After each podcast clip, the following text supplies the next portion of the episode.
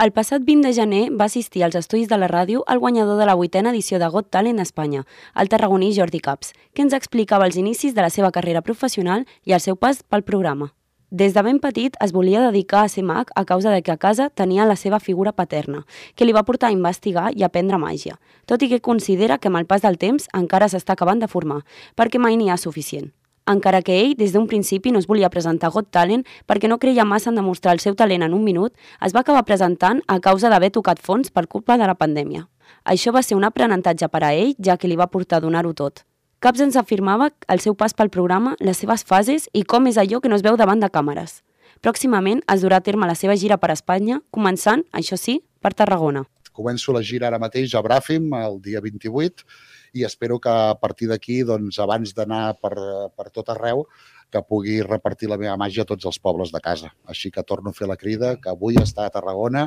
vull estar amb tota la gent de casa i vull començar per aquí. Les ganes i l'esforç del mag no ha sigut l'únic que ha posat caps en aquesta gira, sinó que també molt d'art i emoció.